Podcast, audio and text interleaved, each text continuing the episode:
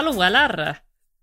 Hallå eller? Varför börjar vi alltid podden med att prata med dialekt? Ja men det gör vi kanske, jag vet inte. Det kanske är brist på våra egna personligheter, vi försöker vara några vi inte är. Jag vet, Kan det vara så? jag vet, jag tänkte säga det. Jag är personlighetslös, jag måste ha olika färger på naglarna. Det är min standard. Vad har du nu, visa? Nu har jag vitt och grönt. Nu har du vit och grönt. Ja men det är ändå ganska dovt, alltså det är lite så, du sticker inte ut för mycket. Nej, som jag sa, personlighetslös. Ja men om jag är ju ännu är mer personlighetslös. Jag, jag visar ju att jag är personlighetslös genom att bara ha typ naturell färg.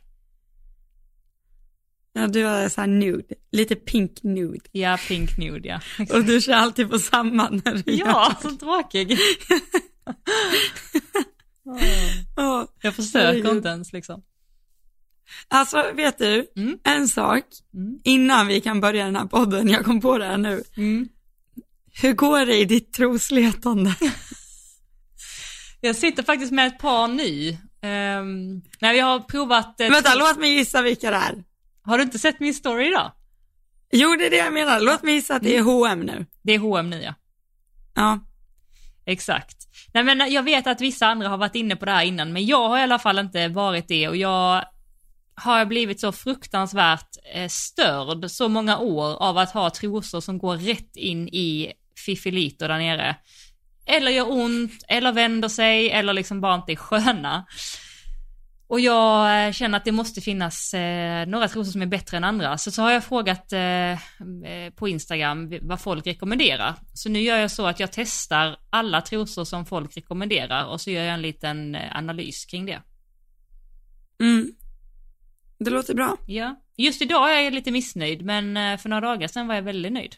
Så det går upp och ner. Vad har Ja, du? då var de där med, med någon så här sportkant på. Ja, exakt. Ja, jag var faktiskt och letade efter dem när jag var på Intersport. Eller var jag på Intersport? Jag tror Nej, du ska gå på. Stadium, eller, eller så kan du beställa dem Ah. online. Jag tror att det är så här erbjudande 79 spänn eller något sånt nu. Mm. Vad har du Bra. då? Vad rider du i? Ja, alltså det är det här jag tänkte säga. Eh, Har du, det finns ju en revolutionerande trosa på Lindex. Ja, jag har hört Som är i spets. En ganska typ, alltså nu, nu tänker du tänka så här, nej inte spets, det går inte. Nej. Jag vill typ visa dem för att jag har dem på mig just nu men det blir så jobbigt. Okej. Jag måste ställa mig upp och sånt där då. Ja, men ska du inte Men det är en ganska, jo jag får göra det. Ja. De, Bara så att jag Nej, får en det bild av. de Elsa är drar liksom ner. breda här, Ja. ser du? De är Ja, breda och så är de jätte, jättemjuka. men hur är de och när det börjar närma sig Fiffi där nere? Nej men de är liksom breda. Men är det spets på själva underlivet? Eh, ja, fast under är det ju liksom eh, något bomull typ. Ja, ja. Men du, då ska Alltså jag, jag ska testa dem. Jag ska skriva upp dem på Ja, min de lista. är, ja, skriv upp dem på din lista. Mm. Nu vet jag inte hur, alltså hur bulletproof de är under vita ridbyxor. Nej. Men jag jobbar ju inte vita ridbyxor ändå, så för mig är inte det ett problem. Skönt. Det är som faktiskt ett litet lifehack när det kommer till eh, vita ridbyxor. Det är samma som när man har en vit skjorta. Att eh, man behöver inte bara ha liksom, eh, natur, alltså nu säger jag hudfärgad, välj och tolka mig rätt för att man har olika hudfärg. Men för mig som är ljus, om jag har en ljusbeige då bh eller ljusbeige eh, trosor så är det min hudfärg och då syns det inte de genom ridbyxorna.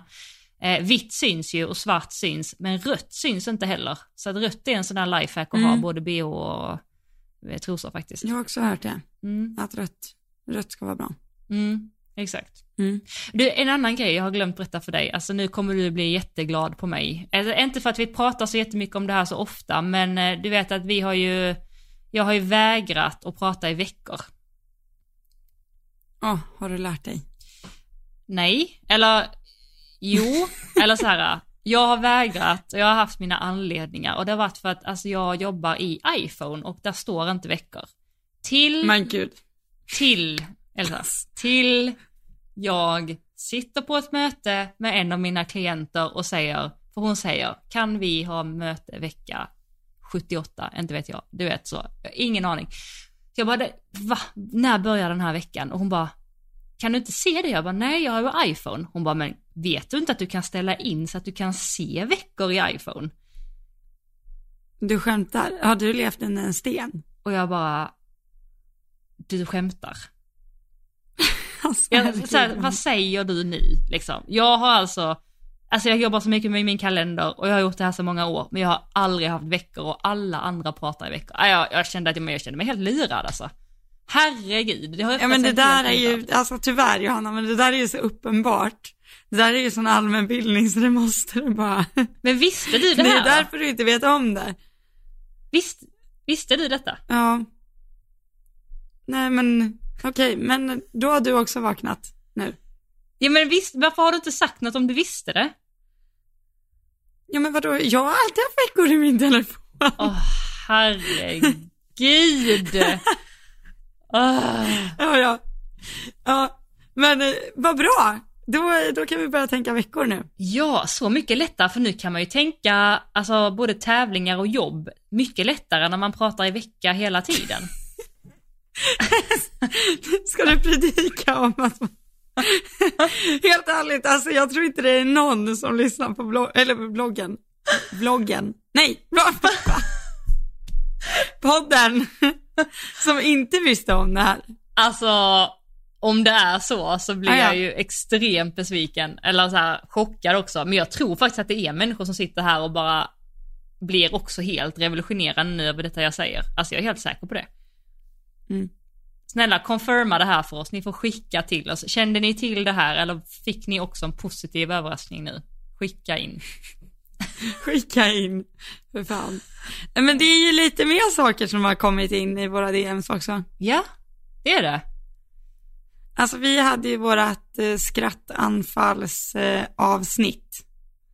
Ja, för, var det två veckor sedan? ja. Ja. Och då bad ju vi eh, er att skicka in lite så här pinsamma grejer ni har gjort på tävlingar. Ja. Eh, och vi har ju valt ut några favoriter. Vi tänker att ni får jättegärna fortsätta skicka in så drar vi någon lite här och där. Vi, eh, så vi har några idag, tänker vi. Ja, Och så tar vi någon annan gång. precis. Det är, ju faktiskt väldigt roligt. Ja. Men, Men, eh, eh, har du någon där på lager, Essa? Jo men det har jag. Ja. Och den här, jag vet inte varför jag tar den här för att jag själv liksom, det här hade ju kunnat varit jag. Det är väl därför jag tar den. alltså, ja, jag får ju också lite brain freeze ibland. Eh, så här är en tjej som har skrivit. Eh, så här börjar den. En gång på framhoppningen så stod det sockerbitar som delade av mellan räcken och oxer. Eh, för att man inte ska svänga för snävt efter. Jag får då total blackout och börjar typ trimma på volt över dessa. punkt, punkt, punkt, punkt, punkt. Tills överdomaren typ så här, hallå? Eh, och det här var ganska nyligen också, på stor häst, fattar inte hur fan jag tänkte. och, det, och det här, alltså, jag, alltså det jag undrar som ändå hör till historien, sa hon lilla? Är det Tänk dig liksom komma på en 20 meters volt då liksom på kortsidan bara, lilla, lilla, Ja, men fan så var roligt. hoppning Alltså, vad... lilla. Det ja, det var kul. varit Det var väldigt roligt. jättekul. Det ja. Och Det bästa med den här tjejen är ju att eh, vi är ju inte bara lika nu i vuxen ålder utan även i yngre dagar. För hon har en till. Och det, och det här var på ponnys. Alltså förlåt.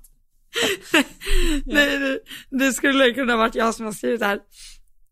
Eh, om jag någon gång hade vunnit, tänkte jag säga. En annan gång på ponny, när jag vunnit, gjorde jag hälsning och red iväg här varvet innan de andra hade hunnit få sina rosetter.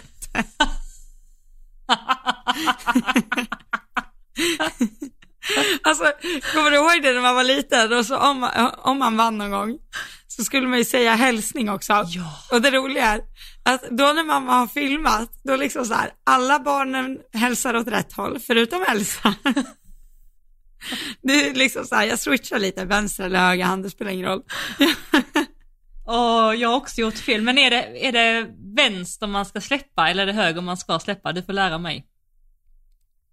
Eh, jag Vet trodde du? det var höger. Man ska släppa högerhanden. Och det ska ju tydligen också finnas en regel på åt vilket håll du ska rida. Ja men det är höger. Högervarv. Det är högervarv. Ja. Okej, vad bra. Då vet jag det. Då vet vi det. Nej, Jag har alltid mixat lite. Så du har dragit iväg till vänster? Ja, det har, ja, garanti. Jag har alltid tänkt liksom på den sidan man har rosetten och sen har man haft lite koll på vart det står en fotograf. Ah. Ja okej, så du, ja okej, du jobbar så. Ja, ja, det måste ju förevigas. Men du Johanna, har du eh, plockat ut någon? Eh, tråkat ut någon.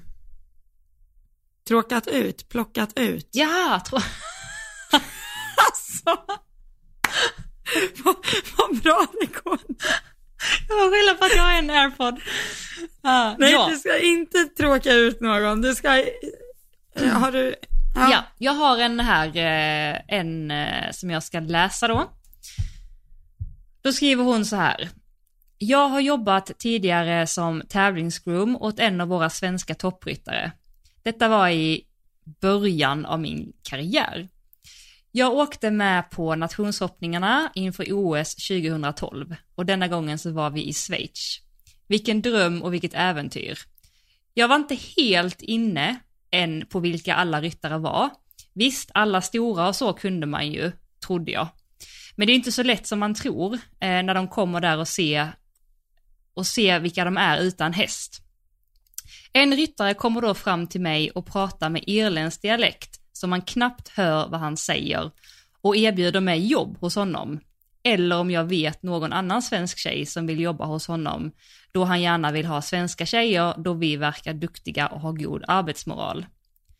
Så jag svarar att om jag vill i framtiden eller vet någon annan så hör jag av mig. Men står där lite svettig och tänker, vem tisan är detta? Så jag är ju tvungen att fråga efter hans namn. Han kollar på mig som att jag är helt knäpp och borde absolut veta vem han är, eftersom att han har sån där, och eftersom att han har sån där konstig dialekt så hör jag knappt vad han säger när han säger sitt namn. Men jag tackar för mig och låtsas höra vad han säger och vad han sa och så önskar jag han lycka till och så går jag vidare. Han skrattar lite när han går därifrån.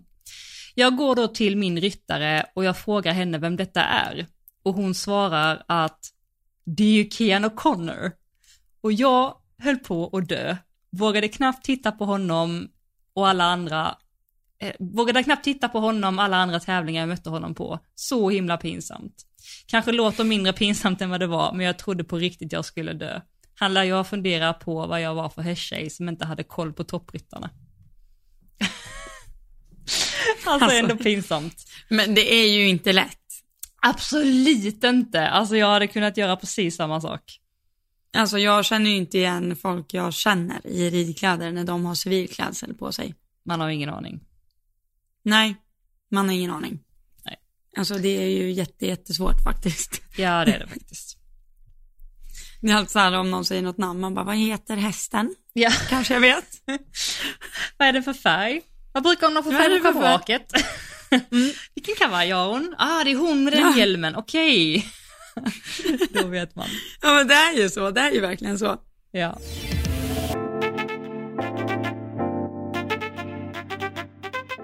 Men alltså, jag har funderat lite över dagens eh, samtalsämne. Spännande. Och eh, ja, ja det, jo men det kan man nog ändå tycka. Alltså, eh, jag ska köra en liten, jag, jag gör en liten backstory liksom på det här.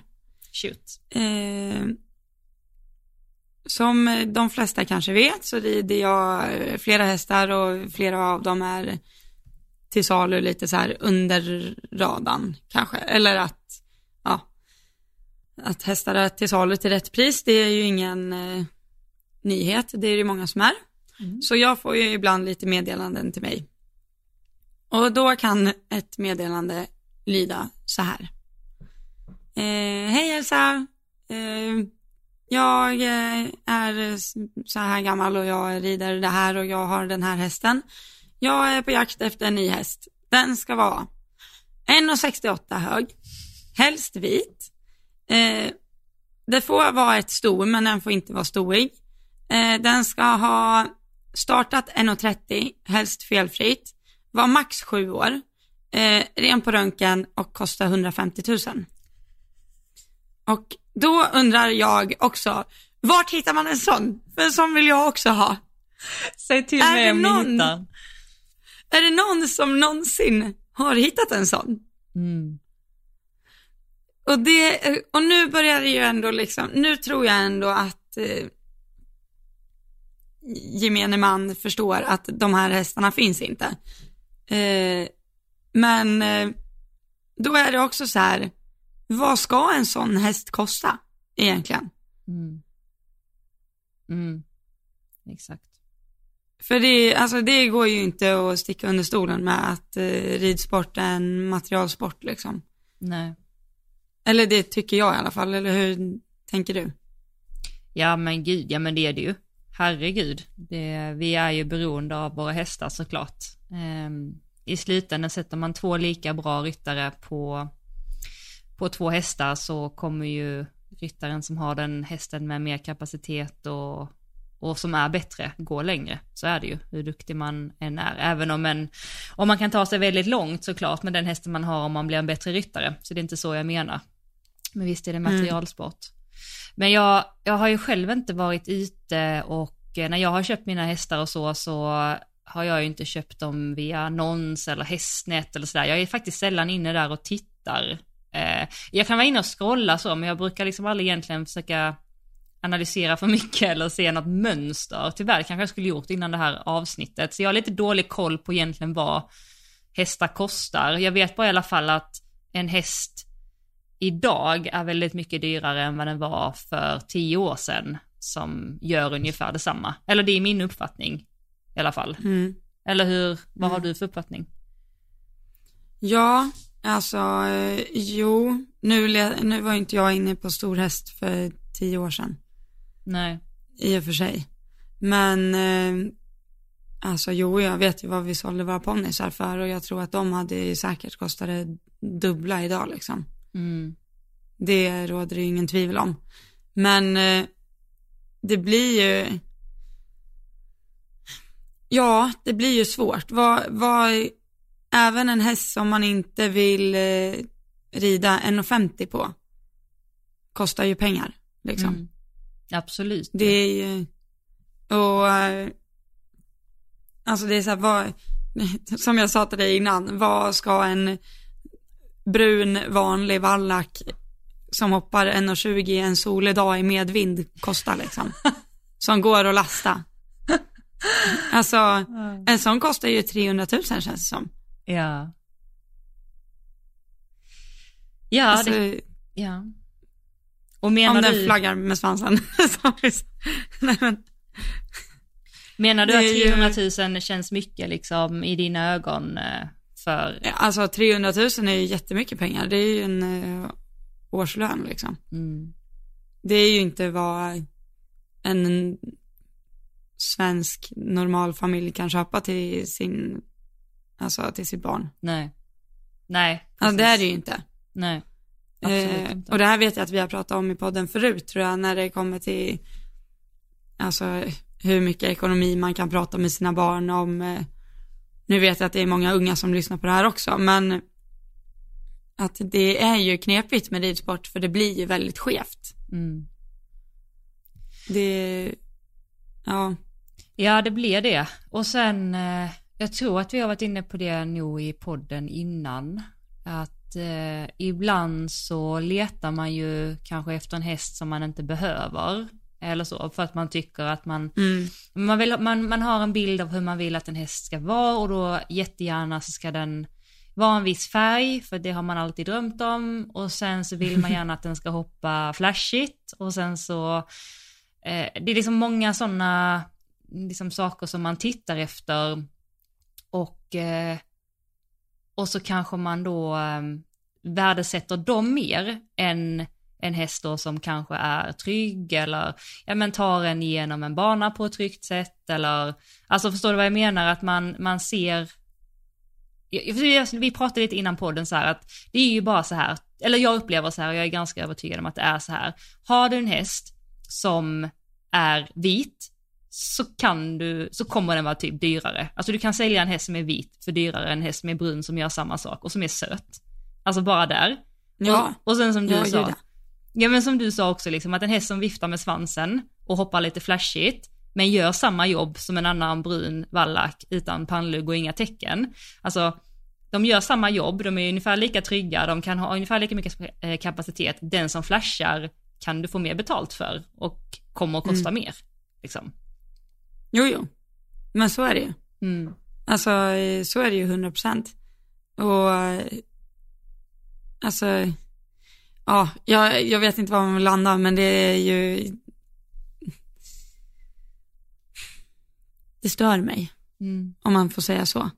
Att, att, hästar, att normala hästar är så dyra menar du idag? Alltså innan Nej, för normala, det förstår jag, för att det har också sitt värde idag, för att vi har ju avlat fram, det är ju ingen som vill avla fram allround-hästar, det tycker ju, eller? Mm. det tycker ju uppfödare är skittråkigt. Mm. Det har jag ju full förståelse för. Mm. Så det krävs ju ett, eh, ett stort jobb och eh, en bra häst för att få fram en normal, vanlig amatörhäst. Mm. Eller children's häst. Mm. Det är inte lätt.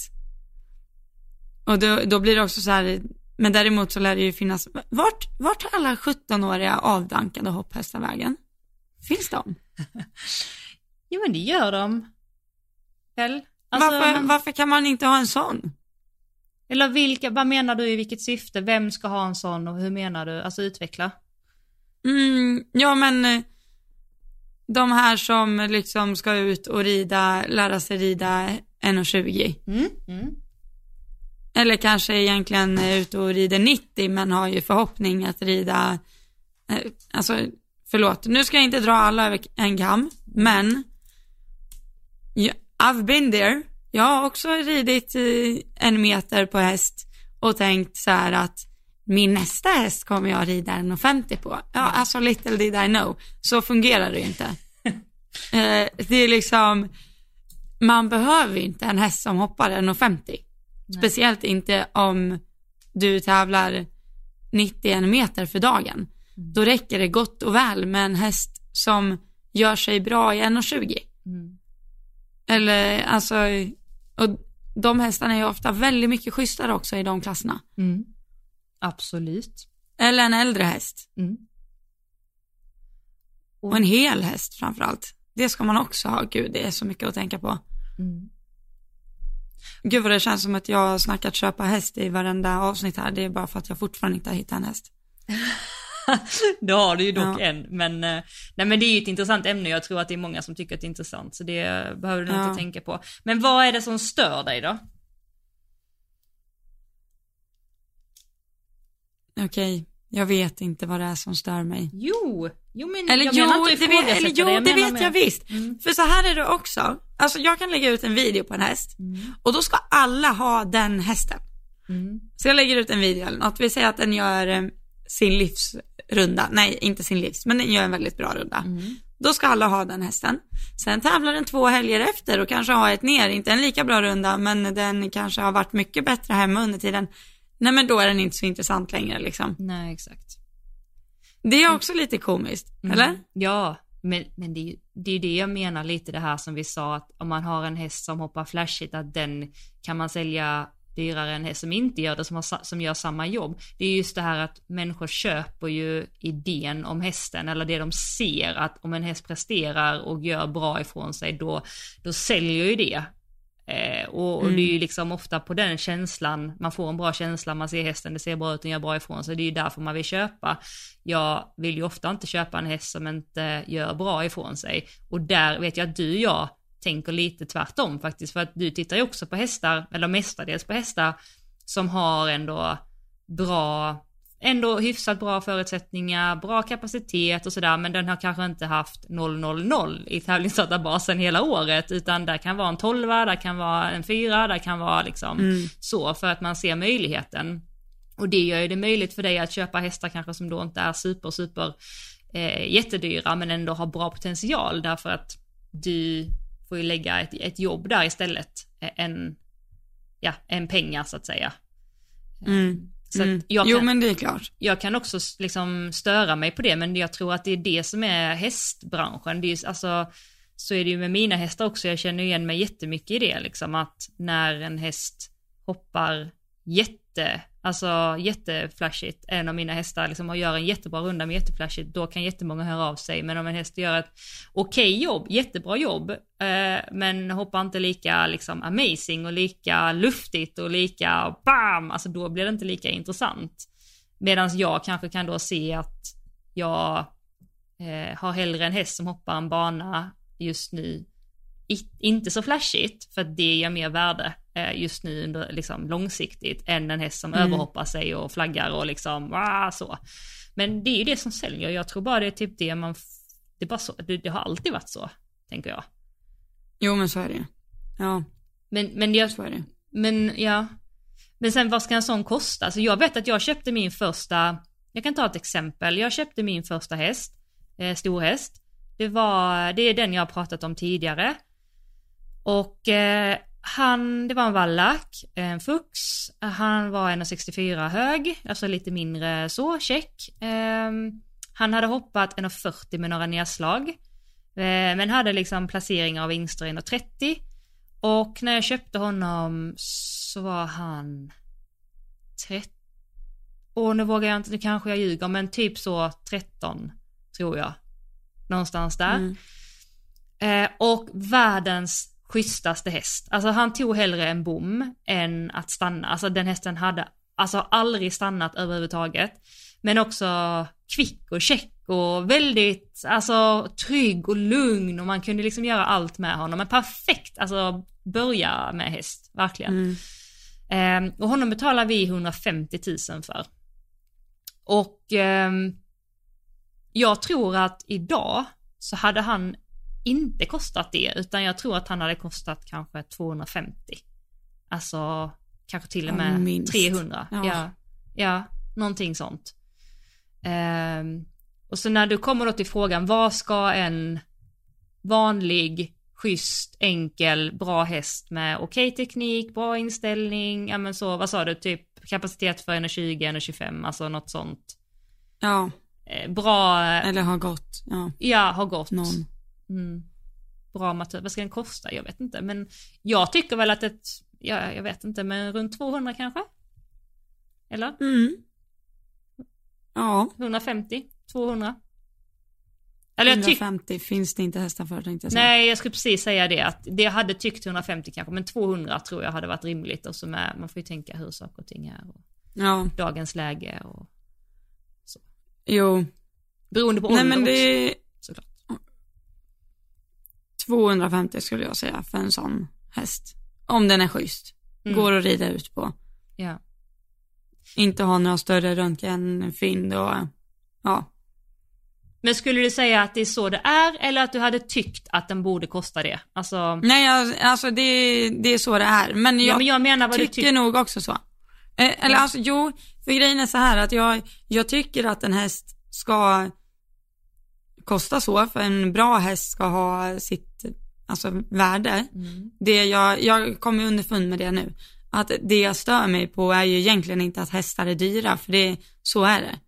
Eh, jag, det hade ju varit jättemotsägelsefullt i och med att jag vill sälja hästar för jättemycket pengar också. Mm. Vem vill inte göra det som håller på att sälja hästar? Såklart. Mm. Det som stör mig är ju att ridsporten är så dyr. Det är egentligen det som stör mig. Mm. Att jag, eh, det är liksom inte en gång man har sett eh, begåvade ryttare på, i mina ögon, för dåliga hästar. Mm. Eller alltså, ja, Ja, ja, ja, jag fattar. det är, alltså jag önskar bara ibland att eh, de inte var så dyra. Nej, men, Ja, men också Och, att det eh, inte var en materialsport på ett sätt. För jo, att, det är ju det man, alltså det är ju där man måste landa i, att det alla materialsporter är ju tråkiga, liksom, av den anledningen. Jo men jag tänker också så här, speciellt hästsporten, alltså verkligen så här, som ryttare. Alltså för att vara en bra ryttare så räcker det inte med att veta du vet, när ska du bromsa? När ska du, nu förenklar jag saker jättemycket. När ska du bromsa? När ska Mm. du gasa? Eh, hur snabbt ska du rida för att vinna? Alltså så, utan du behöver ha så extremt mycket kunskap om hur en häst fungerar, du måste ha så mycket erfarenhet, du måste ha så många timmar i sadeln, du måste ha en sån utvecklad känsla och feeling, du måste, alltså det tar så många år att bli en bra hästmänniska och en bra ryttare. Och all den tiden och eh, liksom efforten man puttar i att bli den här bra ryttaren, bra hästmänniskan. Den går ju till en viss nivå, så du kan ju få, om man säger så här, cred för det till en viss nivå. Men sen tar det ju stopp om inte nästa sak tar vid och det är ju materialet, alltså om hästen Mm. kan ta det längre. Och det är så himla otacksamt på ett sätt ju. Att Alltså det är inte bara att, jag kan ju inte heller köpa en häst och inte ha kunskapen. Jag kan inte bara ha pengar och inte ha kunskapen. Jag måste ju också kunna rida, liksom. Och för att lära mig rida så Mm. måste jag ha erfarenhet och så måste jag ha, alltså, ja, jag vet inte. Fattar du vad jag menar? Att det är, Jo, jo, jag förstår, men alltså ridsport är ju på den nivån att du, alltså, nu, det är ju få fall, men det finns ju de som liksom inte har kunskap, kunskap heller. För du kan ju köpa Mm. dig till vad som helst egentligen. jo, jo. Du kan absolut, köpa dig till att ha dina hästar i Holland och åka dit varje helg för att du går i skolan i Sverige liksom. Jo. Jag menar, Alltså, mm, det, det går det också.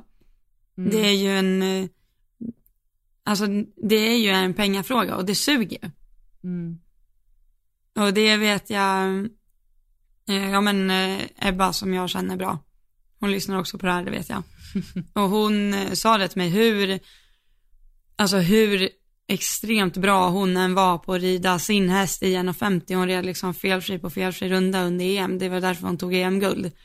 Men hon har gjort det på en häst. mm, Det går liksom inte att jämföra med de som, alltså de ungdomsryttarna som har tre hästar att rida 1,50 på. mm, De som har en het och en stor och en eh, ridbar och en, eh, alltså mm, det är ju timmarna i sadeln som spelar roll. Mm, också Mm. och rundor i kroppen. mm, Och har man inte pengarna för att göra dem, jag säger inte att det är omöjligt för det är klart det inte är, men just som, och det här stör mig ju knappt längre för att mina eh, ungdomsår är ju ändå redan över, men det störde mig väldigt mycket när jag var yngre, liksom junior rider, att det var så här, att man fick stress för att tiden tog slut och jag hade inte de hästarna eller jag var inte på de tävlingarna och det var så här, och det tror jag inte jag är, och, men grejen är ju den att om, när jag är 50, då kommer inte det här att spela någon roll, för då är liksom, då har ju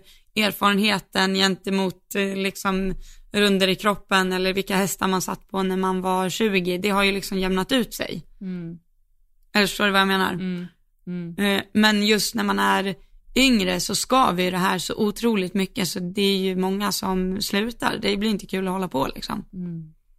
Det är inte ovanligt, tyvärr. Nej, nej absolut inte. Och, ehm, ja, Det är väldigt orättvist. det är där det skaver för mig. Mm, Men det är också en så här push för de som verkligen, alltså de som verkligen vill och de som kämpar för det. De, eh, det kommer ju komma till en vändpunkt liksom där graferna möts eller vad man säger. mm, Där, eh, där eh, jag ändå tror att liksom bra ridning och kunskap och att vara en duktig hästmänniska där det vinner liksom. Alltså har du inte pengar så är det ju den vägen, du, det är det enda du har. Det är det enda du Mm. kan satsa på. Jag, jag, såg, jag såg faktiskt en eh, video, jag kan lägga upp den också så eh, man kan gå in och titta på den om man vill. Det finns en eh, kille som heter Carl Cook, jag tycker han är väldigt inspirerande och, och duktig. Han rider med femstjärnigt och eh, tog faktiskt sin första vinst, tror jag, bara för några veckor sedan i femstjärnig Grand Prix. Eh, många vet säkert vem han är, andra inte. Kort om honom, han lägger upp lite sådana här walk and talk eh, där han sitter och pratar om allt och han är väldigt så här brutalt ärlig i saker och ting och han är väldigt klok i många saker. Vissa saker håller jag kanske inte alltid med om men jag tycker han sätter ord på många bra saker. Det jag inte gillar i början av varje video är att han alltid ska dricka lite whisky och analysera whiskyn. Jag förstår inte alls grejen med det. Så att förutom det så står jag för mycket i det han säger. Men då har han gjort en video i alla fall nyligen som jag kan dela då där han pratar om um, alltså how to become a professional rider without money eller någonting sånt. Um, och då pratar han just om det här att om inte du har pengar så behöver du gå den långa vägen. Du behöver Dels behöver du få så extremt mycket kunskap och det kan du inte läsa dig till, utan det, du måste åka någonstans eh, och få den kunskapen, alltså i ett stall.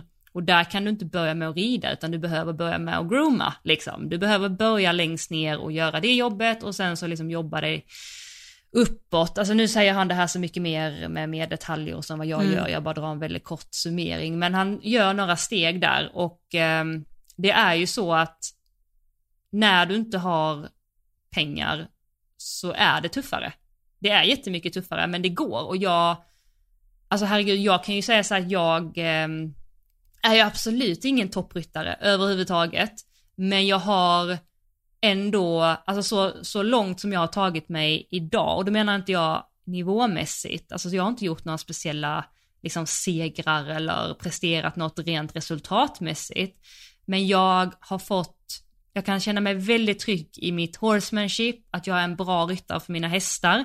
Jag kan vara liksom en god ryttare, jag kan se saker, eh, jag kan förstå saker, alltså hela den här biten och jag har också haft möjlighet att köpa mina egna hästar. Eh, och jag kommer från en familj som inte har pengar, liksom. Alltså jag har liksom sparat upp varenda krona själv. Och det trodde jag ju aldrig var möjligt när jag var 13 år. Alltså för mig att tänka att jag bara skulle köpa en häst, alltså jag bara, jag vet inte ens hur jag ska få ihop 20 000. Alltså hur ska jag kunna liksom så. Um, mm. Så att, och, och, jag har ju, jag är 32 år så jag är väldigt lång, alltså jag är väldigt gammal och gör väldigt lite, om man säger i ridsporten, väldigt lite resultat. Men för mig är det så här att det har bara börjat för mig. Alltså jag vet att jag behöver, jag har behövt dra på mig kunskap, jag har behövt spara pengar, jag har behövt köpa hästar, jag har behövt sälja hästar. Jag är liksom så här, fan, och jag har ingen annan, ingen, alltså jag har inte andra möjligheter, så att detta är min enda väg.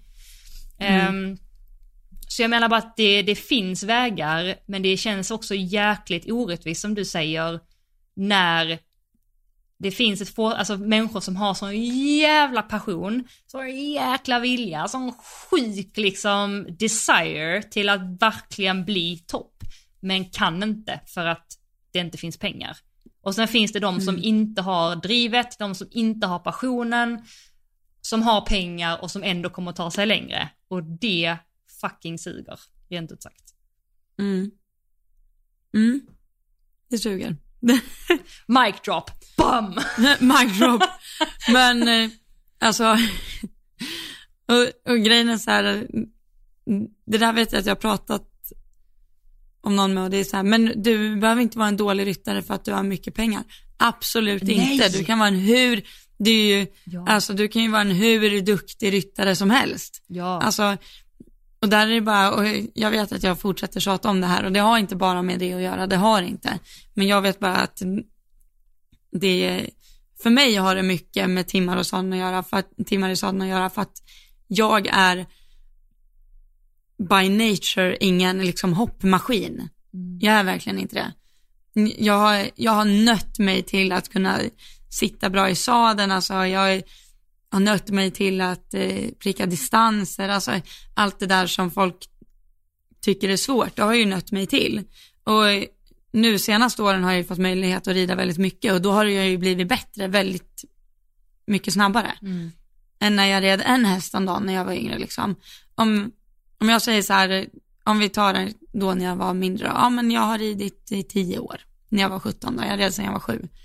Det är ganska stor skillnad för mig som är 17 och har ridit i tio år mot någon som är 17 och också har ridit i tio år, men har haft fem ponnysar hela tiden och fem hästar hela tiden. Mm det blir ju, alltså i timmar i sadeln blir det en enorm skillnad. Mm.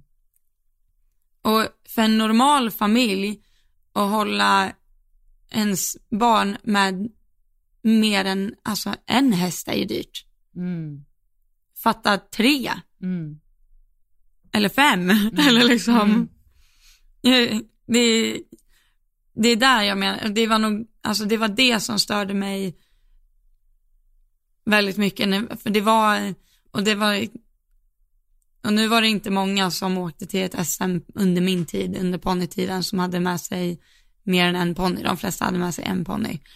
Eh, men nu upplever jag att det är många som från egen kassa liksom åker med väldigt många hästar Mm på tävling och det är klart det gör skillnad för ryttaren. Mm.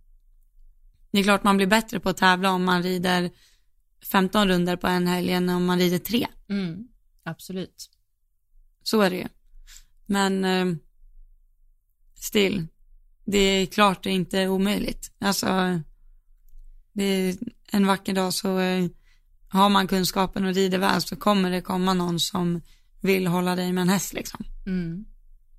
Det är, jag sitter ju på en helt fantastisk häst nu som det är så här, ja, helt, jag hade inte kunnat drömma om att få rida en sån häst när jag var junior och var bitter över sådana här saker.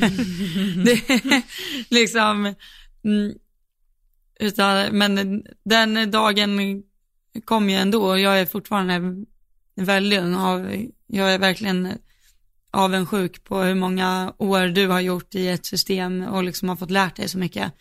Det önskar jag verkligen att jag hade fått också, eller har.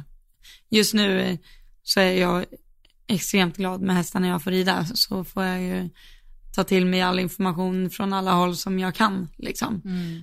Men eh, just det där som du säger att du är så säker i ditt liksom horsemanship, det kommer ju du liksom, det kommer ju du aldrig behöva lära dig igen. Nej. Du har ju ditt system för att få dina hästar att fungera. Mm. Ja. Jag ja, där är jag absolut inte lika säker.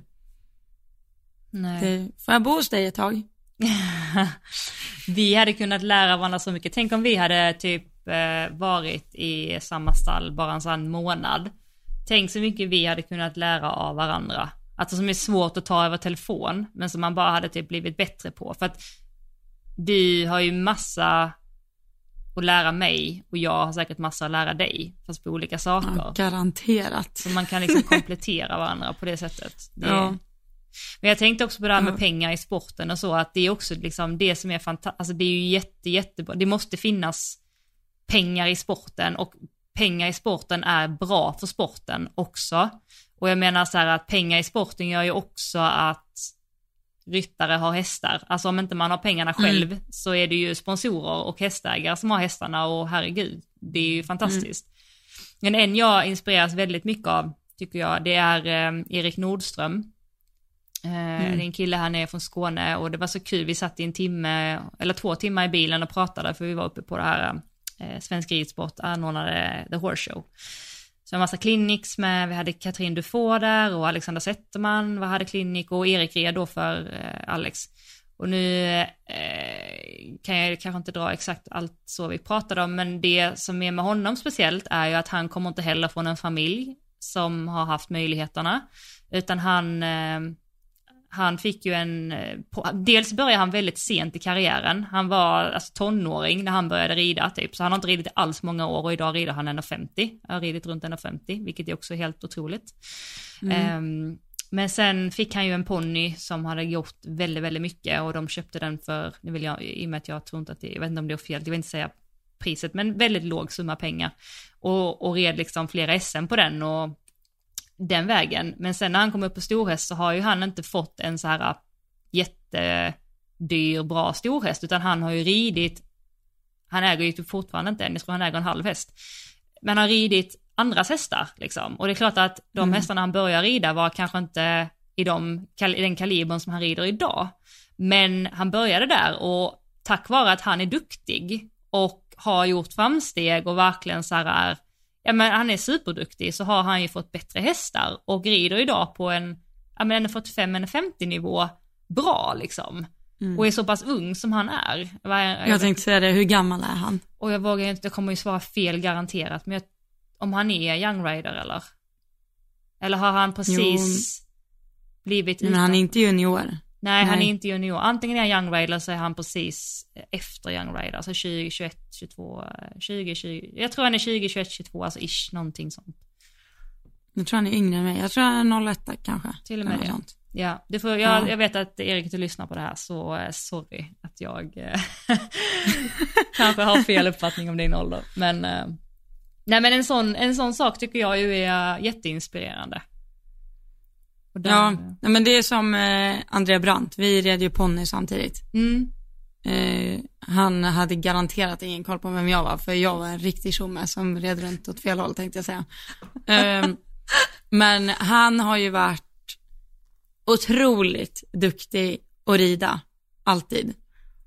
Alltså, otroligt skicklig i sadeln. mm, Och det har jag också, och sen är han ju väldigt trevlig också, alltså lätt att ha att göra. Alltså, Mm. det, alltså det gör ju också sitt. mm, En, alltså att man måste ha rätt, eh, man liksom måste ha rätt inställning till att kunna jobba med människor om man nu vill ha hästar att rida, då lär man ju vara tillgänglig för det också. mm, absolut. Han är så ödmjuk också. Mm. Nej, två duktiga. Ni, ni är bra, Ni säger är vi. bra killar, keep up. Mm.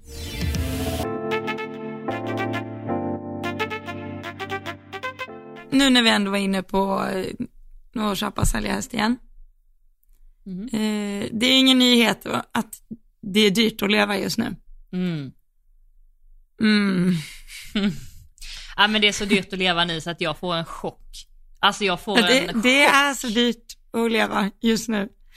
Hur gör Eh. folk? Alltså jag tycker det är så fruktansvärt. Alltså det, jag vet ju att det finns människor som knappt har råd att betala sina elräkningar.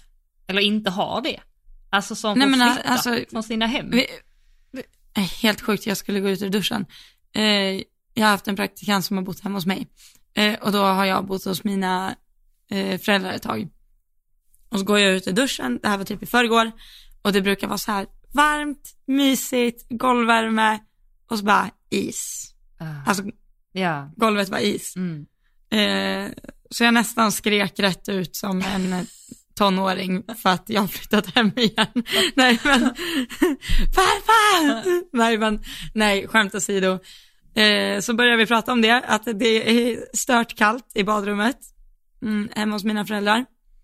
Och det här är ju min pappa då räknat på.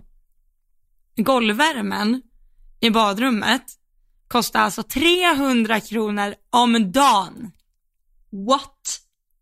Om dagen. Åh herre. Jävlar. Fattar du hur dyrt det är? Det är helt stört. Vad blir det på en månad? 300 gånger 30? Blir det ni... Nej. Blir det 9000? Ja, jag skulle precis blir- säga det, men blir det fel kanske? Jag bara, blir det 9000 Ja, det kan det bli ja. 90 000? ja. Nej men det blir 9000 blir det. Mm. Ja. Nej men slita. Ja, Det är helt sjukt. Ja. Och, alltså, och det här får ju mig att tänka då så här, hur kommer det påverka, kommer folk sälja sina hästar? Mm. Det undrar jag. Mm. Vad tror du? Nej men jag, just, ja, jo det tror jag. Det tror jag faktiskt. Och jag, jag vet redan i människor som väljer bort, eller har varit tvungna att välja bort tävlingar och vad man gör och vad man så inte gör när man tränar, när man inte tränar. För att det är ju så att det har ju blivit en sån grej att alltså elpriserna är extremt dyra eh, och eh, bränslet är väldigt dyrt. Det gör ju att Mm. allt annat blir också dyrt, alltså all transport, alltså alla matvaror. Matvarorna har gått upp. A- allting går upp och vad måste människor göra då? Jo, de måste höja sina priser. Alltså allt, både Mm. företagare men Alltså folk som säljer sina tjänster, alltså tränare, nu tänker jag ridbranschen och eh, ridutrustning blir också dyrare, allting blir ju dyrare ju.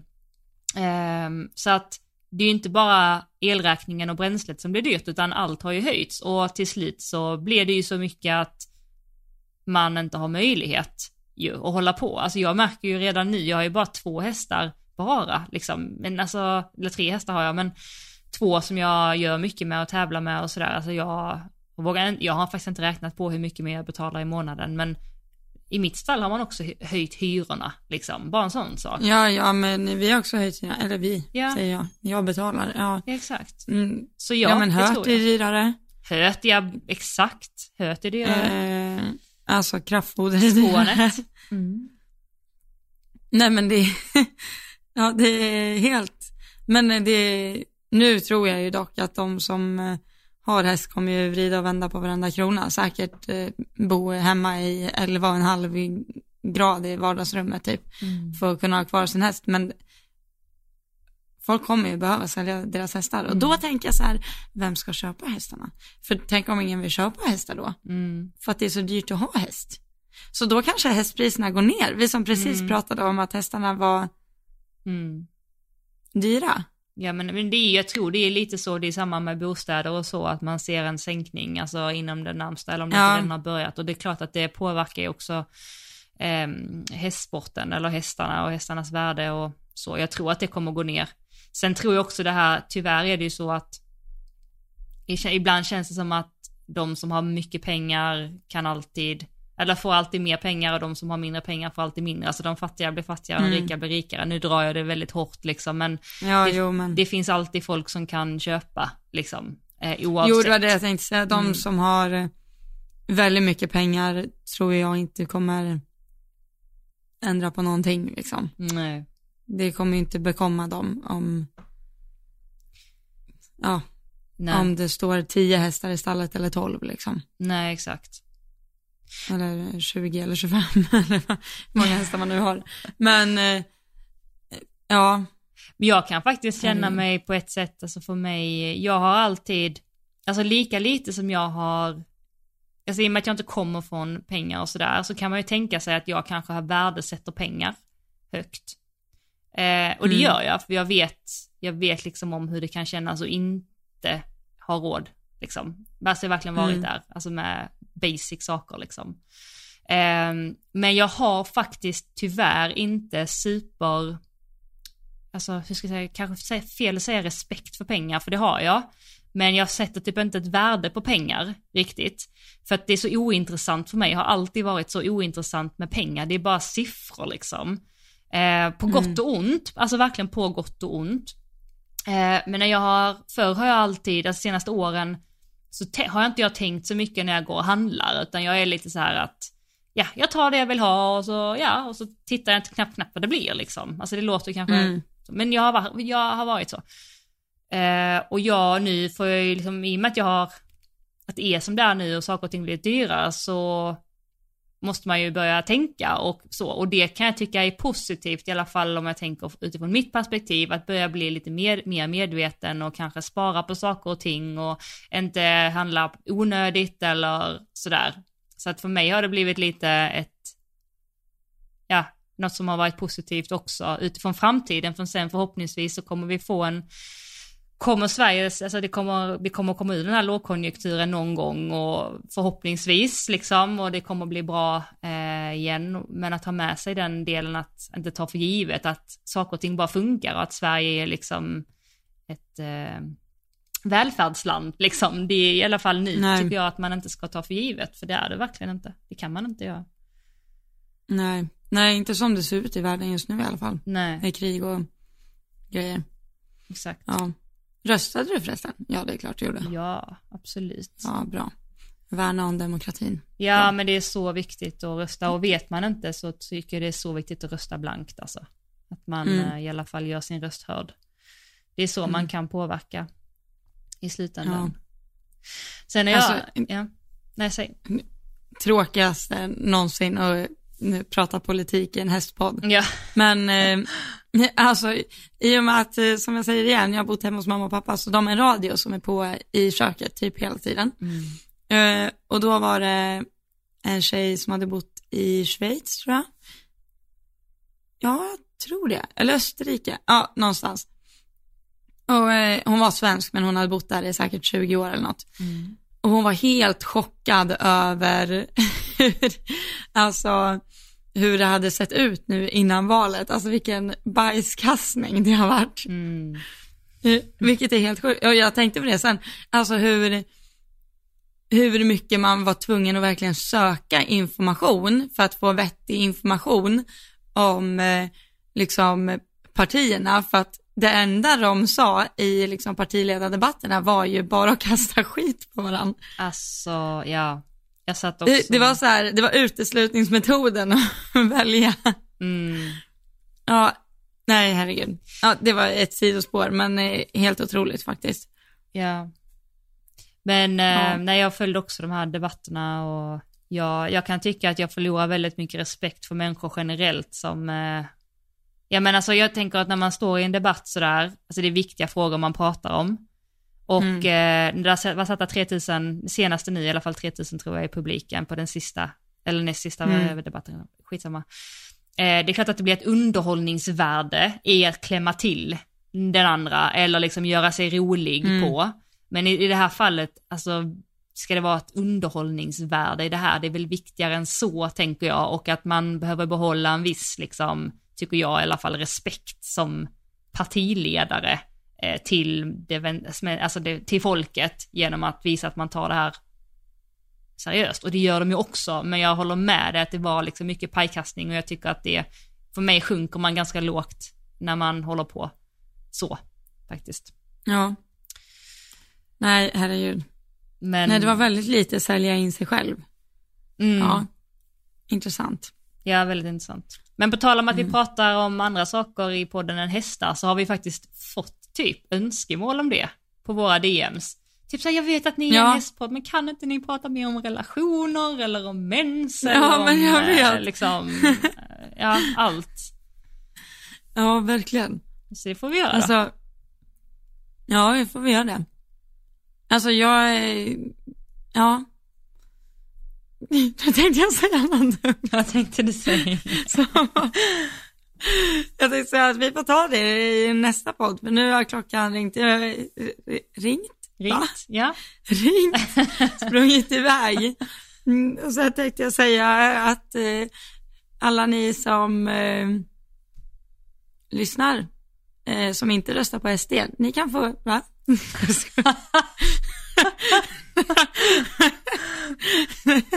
nej, det där. Nej. Ja. Mm. Nej men, eh, nej men det har vi gjort. Nej men vi ska, vi kan ju faktiskt försöka ta in lite sådana grejer också. Alltså det finns ju så mycket att säga om allt som har med livet att göra, som inte har med hästar att göra. Men någonstans så går allting ihop tycker jag. Alltså någonstans i slutändan så kopplas allt ihop i, i slutändan. Jo, men det gör det ju. så, Det gör det ju verkligen. Det är ju liksom, eh, mm, eh, hästarna är ju som mittpunkten och sen är vi där lite runt omkring. Mm. Men, eh, ja, det finns mycket att prata om. Men du ska få svara på en fråga Elsa. Mm. Ehm, och eh, det sista vi gör, för jag vet att det här är en fråga som du får jätteofta, och jag undrar också. Mhm. När ska du vlogga på YouTube? YouTube! Nej men alltså, jag, eh, mm, Jag hörde ju Nej, någonting det- om att när jag får ny mobil, har jag råkat höra någon gång. jag vet, Shh, tyst. jag, jag har haft min mobil ett tag. Nej, alltså, men ja, det kanske kommer ske, men jag tänker så här, jag vill ändå typ så här bevara mina chanser till att eh, någon gång skaffa mig en eh, sambo och ett normalt förhållande som, eh, eh, mm, och, liksom, mm, och då är det ju bäst att eh, liksom, sånt här inte finns dokumenterat. Eller? Eh, för det kommer inte riktigt hålla din nivå av, eh, av vlogg. Men vi kanske ska göra vlogg tillsammans. Vi kanske ska så typ Ja. så här, varje video är hälften dig, hälften mig och så klipper vi ihop våra liv och så ut med det. Då slipper man göra så långa videos själv också. Mm. Nej, Men det kommer ju vara var en det. drastisk liksom, kvalitet. men det är ju Känner i den här podden också. Eller? Högt och lågt. Alltså jag menar, Ja, jo. jo, det är sant. Alltså på tal om det, senast vi slutade podda, nu sa jag för en stund sedan att, klock, att tiden hade sprungit iväg, men nu fortsätter jag ändå. Eh, senast vi poddade, då sa, när vi stängde av inspelningen Mm. så gick vi runt och pratade lite efter, det brukar vi nästan alltid göra. Mm. Eh, och då sa du till mig att någon hade sagt till dig och bara, eh, eh, hon har klagat på mig för att du har blivit så här för filtrerad. Du har blivit för PK sa hon. Jag har blivit för PK, alltså. Jag bara, aj mitt hjärta. Kniv i hjärtat. Nej, alltså, mm, så då tänkte jag säga, då kommer ju den här vloggen bli ett ställe för sånt istället. Nej, det kommer det inte. Jag ska inte vara för PK här. Jo, nej precis. Nej här ska du inte vara. Nej, nej, alltså jag, jag lyssnade fel. Du ska inte vara PK här nej. Alltså folk uppskattar Ja. dig så som du är och eh, det ska du fortsätta vara. Sen kommer det alltid finnas människor som eh, vill missuppfatta. Det är en sån sak eh, som jag upplever många gånger att man, det är inte så att man egentligen gör sig missförstådd, det är bara att vissa människor vill missförstå, liksom. Eh, Ibland, och eh, vill eh, förvränga saker eller vill liksom så. Och det så kommer det nog typ alltid vara. Men det ska ju inte ta, ta ifrån dig hur du är. Tycker jag. Nej, Jag tycker det är kul. vilken tur. Mm. Ja, jag gillar i alla fall att du är väldigt pedagogisk, Johanna. Jag förstår ju vad du pratar om när du pratar i podden och när jag pratar själv så pratar jag och sen kommer jag på att, vad var det jag skulle säga? Ja, men så, eh, så tycker Ja. jag om mig själv också. Men så är man väl alltid. Att man tycker att Ja, andra är, har lättare för saker än en själv. Alltså lite så. Mm. Men Ja. ehm, vi, ehm, vi ska också säga detta att vi har fått lite DMs ifrån några av er som har haft lite svårigheter med podden. Vissa Ja, avsnitt som har varit lite hackiga. Eh, jag har förstått det som att det är inte alla som har de här problemen, men vissa. Eh, och eh, vi vet tyvärr inte varför. Vi trodde att det var att vi kanske hade lagt upp podden, eller vår eh, tekniker hade lagt upp podden i en för hög kvalitet. Så vi testade att sänka kvaliteten på podden förra veckan. Men tydligen så hackade också förra veckan.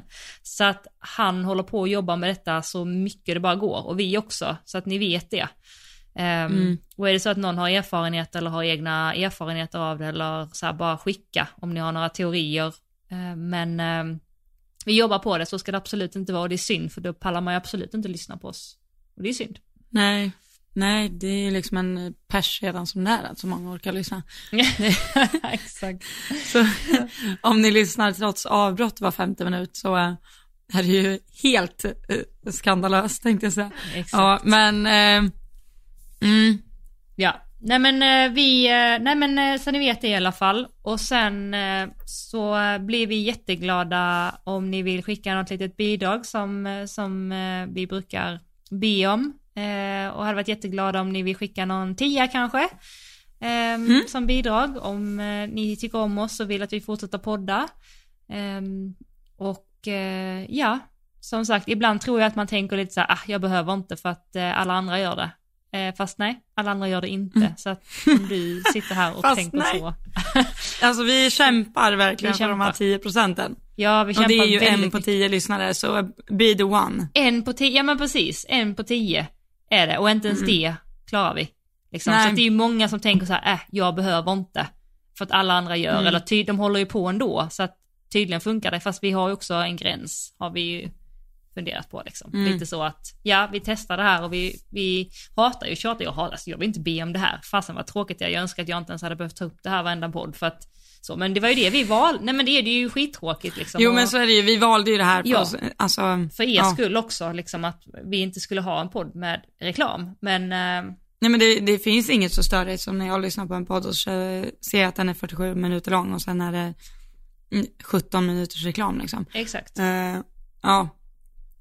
Men, Så, ehm, ja, så numret är, numret är 1232 981 231. Och sen så har vi då stora planer eh, kan vi säga, utan att säga för mycket så har vi en sjukt stor eh, happening, eller sjukt stor nu överdriver jag, eller jo nej det gör jag inte, men ja, inte, den är sjukt stor. Den är sjukt stor och det är jäkligt kul. Kanske då för podden i höst. Så att, eh, ja.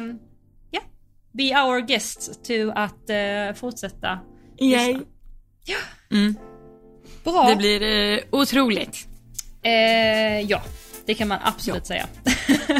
Ja, det, jag tror inte på det än. Men eh, Johanna säger att det ska ske så vi får väl se. absolut, 100%. Jag har väl eh, svimmat fram tills dess. I alla Ja, fall. och kanske Ja. jag också. Men eh, hoppas inte det. Ja, Nu ska jag gå och äta tacos. Puss och kram, tack för idag. rätt av dig. Puss hej. Puss hej!